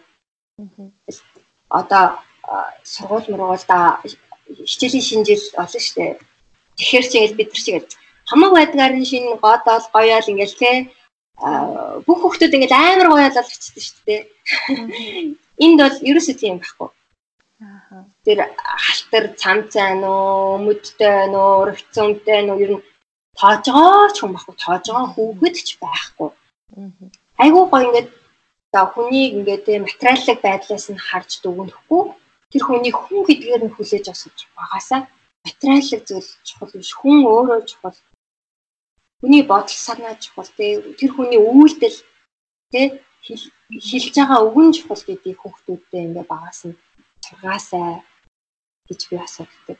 За тэгээд одоо энэхийг их эргэтгэж одоо гендрийн эргэтгэж байдал гэдэг ч тийм дийлэнх нь за яг хав зарим хүмүүс нь зарим гэр бүл нь тийм биш үж болно. Гэхдээ дийлэнх нь бол бүр багаасаа нөгөө эргэтгэж өсчгөр одоо чийл эмхтэй болохоор хоол хий, чийл эрэхтэй болохоор гарч мөнгө олч юм уу одоо тийм ямар ч тийм тайрцаг байхгүй. За тэгээд бас нэг юм байна. Сонирхолтой хэлье гэж одоо да одоо эцэг их байх үүргээ одоо маш сайн ухамсартайгаар биелүүлдэг тий. Хичнээн хоёр хүн одоо ингээд гэрлээд хүүхдээ оллоо. Тэгээд амьдрал нь одоо таарч болоод ингээд саллаа штэ тий. Тэгсэн ч хүүхдтэй яг адилхан анхаарлаа тавьдаг. Тэрийг би бүр маш удаан ингээд харж ажиллаж байгаа.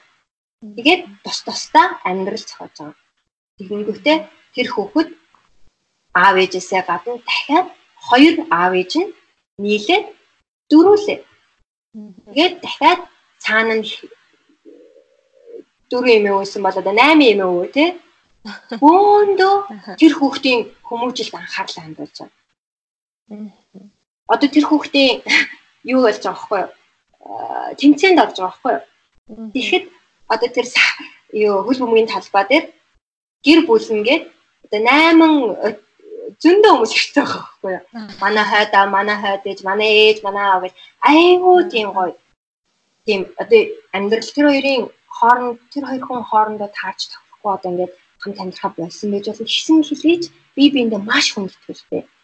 Найз те одоо хүүхдүүдээ хүүхдээ яаж өсгөж хүмүүжүүлэх үү, хин сургуульд нь зөөх үү, хин ах уу гэд бүгдээрээ хамтарч ингэж өсгөдөг нь надад бүр маш хэрэгцүү санагдаад баггүй. Одоо хүүхэд чинь ээж автагаа байх эрхтэй шүү дээ, тий? Аа. Монголд ингээд дийлэнх маш их гэр бүл салж байгаа тий. Одоо ингээд энэ дөрөөр харахаар тоо баримт нь чинь тэгээд гэр бүл саллаа гингүүд одоо хүмүүс ингээд шууд холбоогоо бүр тасалдаг ч юм уу. Хүүхдийнхээ онгийг сольдог ч юм уу. Тэгээд тийм маш их байдаг шүү дээ тий. Тэг хүүхдээ уулзуулдаг тэр чинь эргээд хүүхдэд маш хорон хөнөөлт авахгүй. Тийм ээ хүүхэд ингээд тэгж тал амьдралаар өсч болохгүй шүү дээ. Хичнээн одоо аав ч юм уу ээж маш их хайрлаж байгаа ч гэсэндээ чинь бүтэн болж бил чадахгүй гэж үздэг байхгүй үзээд байгаа. Мэдээж маш их хичээж байгаа л гэхдээ аав ээж хоёр хоёулаа хүүхдээ өсөж хүмүүжүүлэх хэрэгтэй. Хүүхэд аав ээжтэйгээ хоёулантай одоо заавал хамт амьдрах биш. Гэхдээ хоёулантай байх хэрэгтэй тий. Эрхтэй гэж би одоо бодоод байна. За ийм соёлоодыг л би их харж ажиглаад байна да. Тэгвэл одоо яг улсын яг нэг хүүхдийн хүмүүжүүлдэг арга барил ч юм уу хүүхдийн хүмүүжил дээр яг эцэг хийх нь анхаарч байгаа зүйл дээр ч юм уу онцлог зүйл нь танд юу байна вэ? За маш их ярилцдаг юм уу? Ажиглахад өөхгүй амар төвчээртэй. Тэгвэл яаж юм төвчээртэй одоо ингээд бид нар одоо чинь ингээд хоёр настай хүүхдүүд юм уу нэг настай хүүхдүүд ингээд юм тайлбарлаад зогсож байдаг шүү дээ.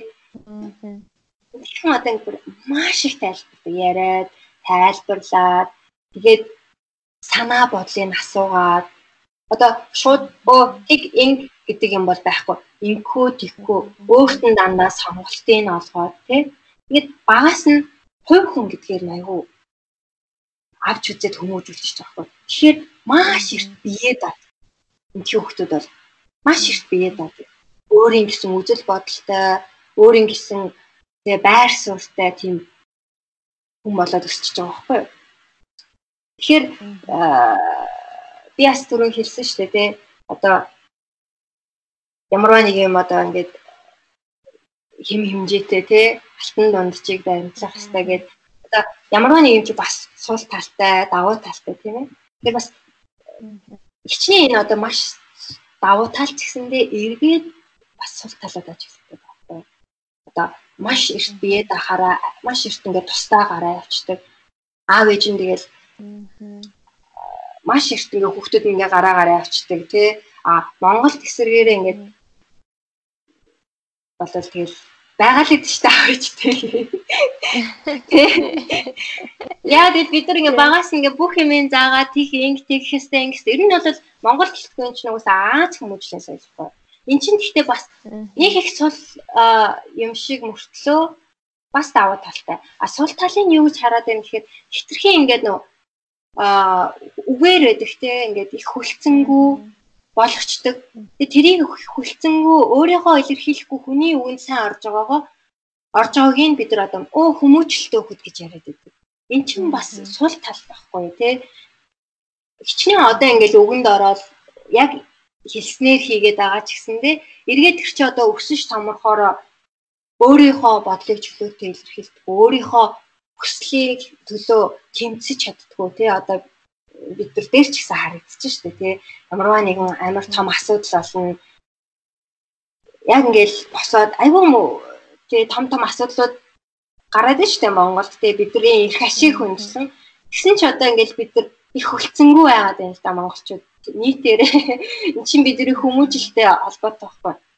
Тэр бид нар ингээд аль болох хүүхдүүдээ үжил бодлоо хийлдэг тий одоо энэ барууны соёлоос авах юм авч явах хэрэгтэй гэж бодож байна. А барууны соёл маань ингээд эргээд бас хитрхи ингээд чөлөөтэй өсгчхөөр эргээд аав ээж нь одоо ингээд хоорондоо их зөрчил үүсдэг юм уу маш их бие дагаа явцдаг эргээд аав ээж гэсэн одоо харилцаа холбоо нь баг байдаг байдаг харагддаг угаасаа одоо хөвшөлтөл бол шууд настай хүмүүсийн амьдардаг асрамжийн газар мадар бүр өөртөө ингээл өө тийшээ явна бүр ингээд тооцоолж моцоолцсон тийм амьдр амьдралын хэм маягтай. Тэнгүүд эргээд эдгэр чинь бас Аз хүмүүжлийг маш их сонирхож ирж байгаа юм. Нөгөө нэг Америкийн нэг хуульч Аз Asian American хуульч эмэгтэйг бичсэн бар бар ээж гэдэг ном дээ. Энд чинь тийм бүр энд бүр бестселлер болоод маш их зарагдсан. Тэр чи ирээд барууныхан чинь бас Аз соёлыг маш их суралцаж авах юмаа бас авахаар ингэж уншиж мэдхийг хүсдэг болсон харагдаж байгаа. А одоо гадаадд амьдарч байгаа гадаадд яг хүүхдээ ингээ өсгөөд хамт амьдарч байгаа гэр бүлийн хувьд яг нэг тусгал тал нь монгол хэл соёл гэдэг штэ. Тэгэхээр та одоо хүүхдүүдтэй монгол хэллийг нь мартуулахгүй одоо идэвхтэй яриатай байлгахад ч гэдэм үү яаж анхаарч байгаа вэ? За одоо өстө бөөнж юм болж штэ. Монголоор ярих гэж гэртээ дан монголоор ярих гэсэн дүрмтэй. Тэгээд а хүүхдээ аль болох Монголоос Монгол номнууд захиалж ирээ авчруулад Монгол үлгэрийн уншиж өгөөд хүүхдүүд маань яагаад ингэж маш сайн монголоор сонсоод ойлгоод байгаа юм эргүүлээд ярьдгүү? Ярихгүй байна вэ гэж ихээр чинь ихэнх хүүхдүүд ярьдаг байхгүй яриха болчдөг яг л англи хэлээр ярих нь илүү амархан. Тухайн орныхоо хэлээр ярих нь илүү амархан болчиход тэгэхээр хүүхдүүд нөгөө хэл мэдгүй биш биш уучлаарай. Үг мэдэхгүй байгаа. Үг мэдэх тусмаа чи яг л шинэ хэл сурж байгаатай. Үг хэрчний үг мэдэх тусмаа хүүхэд өчнөө сайн ярина. Тийм болохоор би ингээд айл болох бүх юма хийж байгаа юма өөрийнх нь хэлсэн шинэ англи үгийг ч гэсэндээ сургууль дээрээ сурсан англи үгийг ч гэсэн өө миний охин монголоор тэгдэг шүү. Энийг хардаа энэ монголоор ингэж бичдэг шүү. Бах бах хөвгүүдтэй хөвгүүдтэй болохоор одоо манай багчин 3 настай бүр бага 4 1 настай байхгүй. Тэгэл алхам тутамдаа штэ. Нэг юм хэлээ, нэг юм аялал бүх юмыг ингээл англи монгол, англи монголоор ингээд тайлбарлаж өгөөд англиар тоолдоо. За миний хүн монголоор тоол. Бүгдийг аягүй сайн хийн. Тэгэхээр хичээл сэтгэл хэрэгтэй. Тэгээ уйгахгүй байх хэрэгтэй. Америк улсад ээж байхад ямар байдаг вэ? За. За Америк гэлтгүй ер нь тэгээд ээж байна гэдэг чинь альч орон хаан дэлхийн альч өнцөг болон амьдарч байсан ээж байна гэдэг бол хамгийн сайхан мэрэгжил гэж би боддог. Бүх хүмүүс ингээд гэртээ хүүхдээ төрүүлээл сухаараа маш их юм алдаад хоцроод карьераа хүртэл ингээд хүмүүсээс хоцроод байгаа юм шиг юм мэдрэмж төрдөг штеп. Би одоо эхнийхээ охиноо төрүүлчихэд Гэхдээ анх удаа ээж болоод мэдхгүй юм маш ихтэй. Тэгэл нөгөө гормоны өөрчлөлт мөрчлөлтөө ч сайн мэдхгүй. Тэгэл зөндөө юм болоод тэгэл тэр үед чи ингээд зөвхөн гэрийнхаа ажил гэртээ хүүхдээ ингээд маш их цагаа зарцуулаад ингэж яхад чинь хэцүү санагдаад байдаг ус хэвгүй. Би л одоо ингээд юмнаас хоцроод байна тий. Надад ингээд өөртөө цаг заах гарах цаг байхгүй байна гэл тий Тэгсэн чи яг одоо ингээд би 3 3 хүүхдээ ээж болчоод одоо гэртээ багыгаа хараад гэртээ байж байхдаа би юу гэж бодож юм гэхээр энэ бас миний хамгийн амьдралын хамгийн сайхан үе байхгүй. Аа. Би одоо ингэж аахгүй. Өөрийгөө ээжийн 3 дугаар төвшөнд явж ийн гээд mommy level 3 гэдэг байгаа байхгүй. Тэгэхээр ингэж маш их завтай. Тэгээд бид нар нөө эхний хөвгтдөр мэд өөрөө нөө ус мэдхгүйгээсээ болоод тэгэл юмыг хийхдээ хөвгтөө маш их цаг зав хамаг ирч хүчээ хөвгтдээ гаргаад маш их цагийг алддаг надад санагдаж байгаа. Дэж тэр үедээ мэдэхгүй шүү дээ тий. Одоо хэрвээ намайг сонсож байгаа эхнийхээ хүүхдийг дөнгөж гаргаад ээж болсон хөрхөн шинхэн ээж нартай хэлэхэд өөртөө цаг гаргаарай. Хүүхэд болвол ингээд тэгэд маш их тэгж цаг зав гаргахаар одоо мэдээж гаргана тодорхой хэмжээгээр гаргана хүүхдээ эрүүл айлгана хоол нь зөв сайхан хүмүүжлэлтэй олгож гэсэн. Гэхдээ өөрийгөө хөгжүүлэх цаг маш их гардаг шүү. Одоо би ганц хүүхэдтэй байснаасаа илүү одоо гурван хүүхэдтэй байхдаа би маш их өөртөө цаг зав гаргадаг. Мэдээж бас хүүхдүүд нь хоорондоо тоглоод ч юм уу тий цаг зав гаргадаг баг. Тэгээ би бас одоо юм ажлыг маш амархнаар хийж аль хэдийн сурцсан байгаа хгүй. Хүүхэд өсөхийн яг адилхан анхаарал тавьж байгаа юм би тэрийг илүү efficient буюу үр үр ашигтайгаар тийм ээ цагийг үр ашигтай ашиглаад би юма хийж чинь илүү амархан хийж чинь одоо бас бүр маш сайн сурцсан ч байна тийм болоо. Тэгээд ээж байна гэдэг бол уусаа маш сайхан мэржил тэгээд өөртөө зааг цаг зав маш их гарга эн чинь амьдралын чинь хамгийн гоё үе энэ үеэ те. Enjoy тэ хайрл тэгээд одоо ингээ бүгдээрээ альч газар амьдардаг болсон ингээ сошиал тэ network одоо интернет гэж сайхан юм байна. Бид нар юу л бол юуг сурч болж шүү дээ. Тийм болохоор өөрсдөө хөгжүүлээрээ би одоо маш их юм сурдаг. Одоо маш завгүй байдаг. Ээж ах бол сайхан шүү.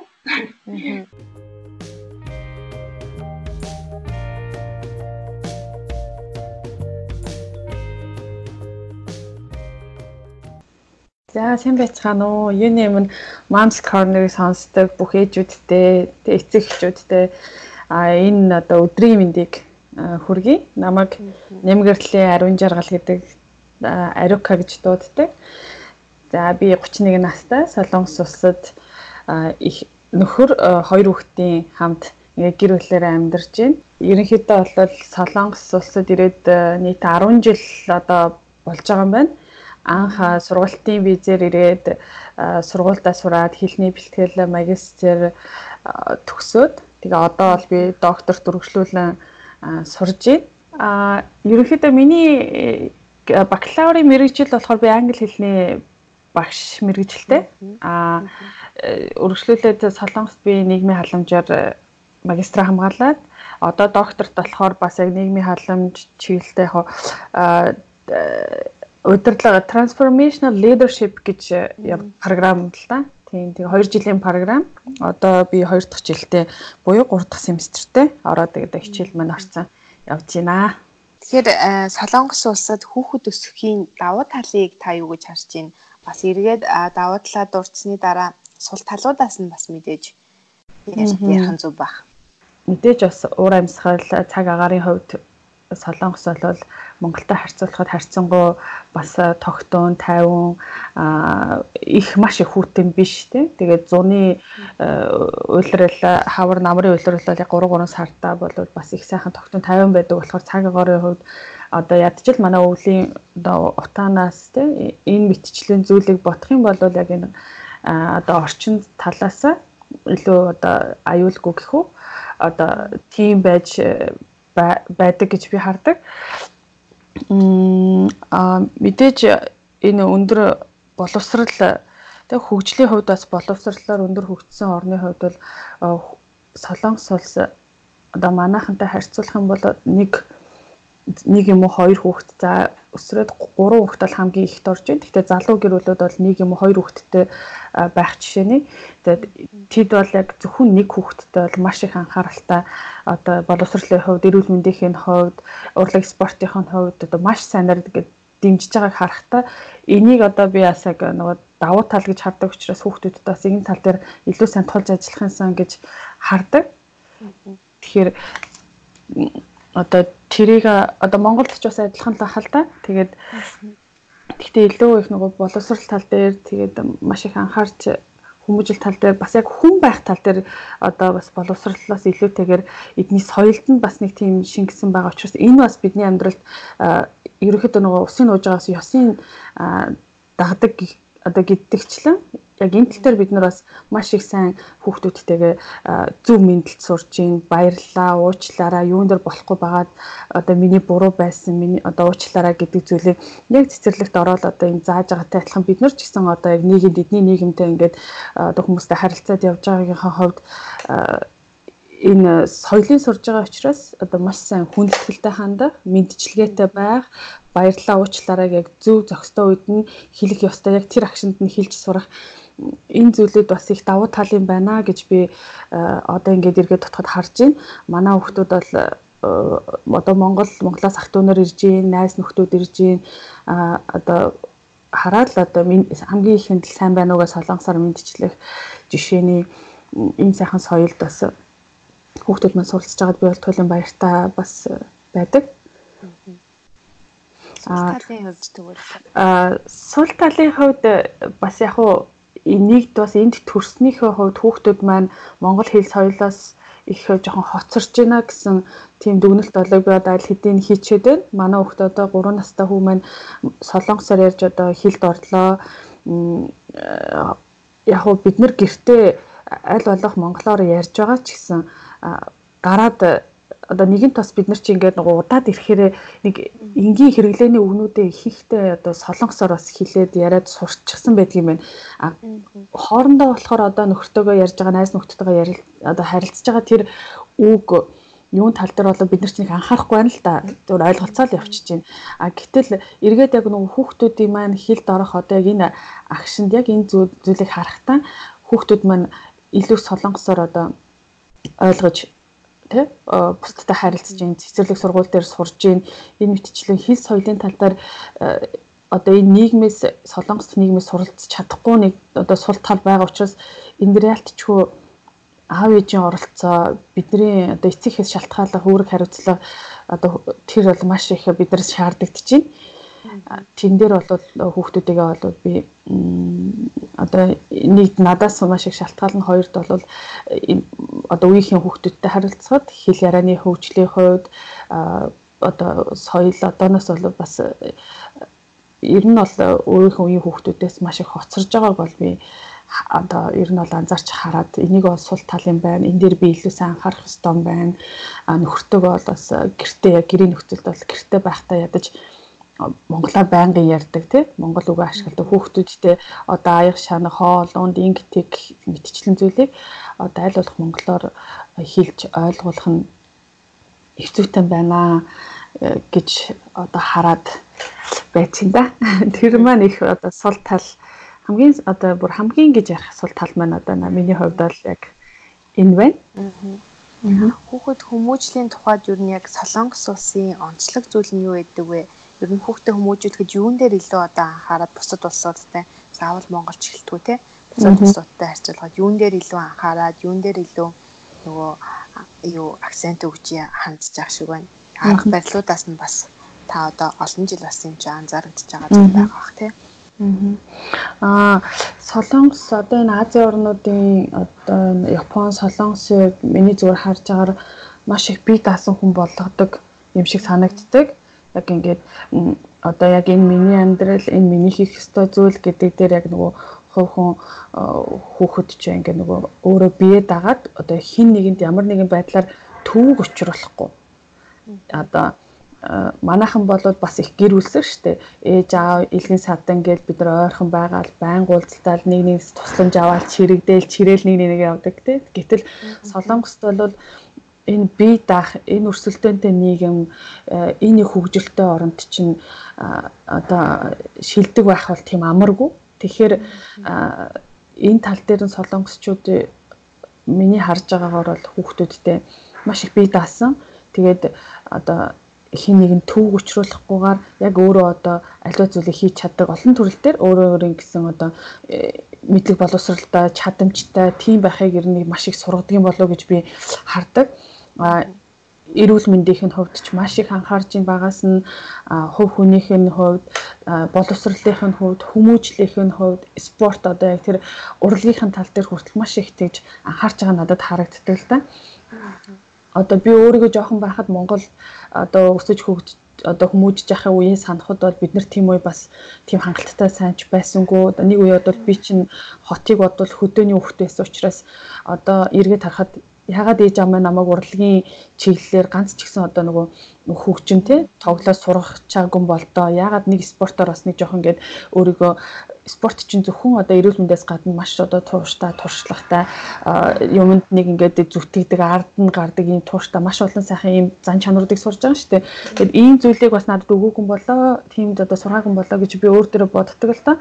Тэгээд яг солонгосын нийт эцэгчүүдийг харахад бол тэг зөвхөн боловсрал гэхгүй хүмүүжил эрүүл мэнд энэ спорт урлаг бүх тал дээр нь хүүхдийг ямар нэгэн байдлаар нэг зүйлийг тийм барьсан тууштай тийм зан чанарт сургаж байгааг нь харахтаа би бол бас их авууштай их сайхан зан чанартай хүүхдүүдэд их хүмүүжилж шүү гэж би хардаг. Тэгээ тийм болохоор яг одоо бол яг тийм универсал очиод байна л да. Ер нь бол миний үеийн гэхүү одоо ер нь миний дээшээ үеийн солонгосчуудыг харахад яг хийж байгаа юм да маш тууштай. Яг тэрэндээ үнэхээр бүр best гэд одоо яг тэрийг хамгийн сайнаар хийдэг. Дөрөв бас та ярьсан. Ер нь дөрөв дөрөвдөнтэй л ярьж байхад Монгол хэл соёл юу нь хамгийн том сул тал болж байгаа гэдэг. Аа. Тэрээсээ хүүхдүүд нь Монгол өв соёлоо мэдэхгүй өсөж байгаа, Монгол хэлээрээ ярьж чадахгүй өсөж байгаа нь энэ бол хамгийн том сул тал байна гэж ярьдаг л та. Тэгэхээр тэртээ тэрнгүү сул тал нь үнэнгээс хойш мэдээж тийм байхгүй тул эцэг эхчүүд арга хэмжээ авч байгаа харагддаг. Таны хувьд ер нь хүүхдүүдээ Монголтой ойрхон өсгөх, монголоор ярьж сурахад ямар арга хэмжээ авж ийн бас тэдгээр нь одоо бусад гадаад байдаг ээжүүдэд хэрэг болж магадгүй тийм. Аа. Ер нь бол суул тал гэдгээ би бас яг өөрөө өөрийнхөө хувьд тий олж харсныхаа хувьд би бас нэг юу гэж анхаарсан бэ гэхээр бас аавтаа ярьж илээ л да нөхөртөөгөө э, эхний ээлжинд гэр гэр дотроо одоо монгол хэлээрээ ярья. Гараад угаасаа бид нар хин хинийн ч ажил ажлын талбар дээр цэцэрлэг сургуулийн талбар дээр тий бүгдээрээ солонгосоор одоо энэ нийгэмд харилцаж байгаагаас хойш гэртээ ядаж Монгол одоо хэлээрээ ярьж хүүхдүүдтэй одоо энгийн хэрэглэгддэг гэртээ хоол унднаас ихсүүлээд одоо тоглоомын ч гэсэн тийм машин бол машин ингэж одоо яг зааж өгөх хэрэгтэй байна гэж э, бодоод Тэгээ ерөөхдөө энэ одоо шийдвэрийг гаргаснаас хойш манайх одоо хэрэгжүүлээд явж байна. А тэрнээс хойш энэ хүүхдүүд бас 1-ээс 3 настайдаа маш сэрэг одоо тарих нь маш их юм хүлээж авах одоо потенциал маш өндөр байдгийг би бас анзаарж байна л да.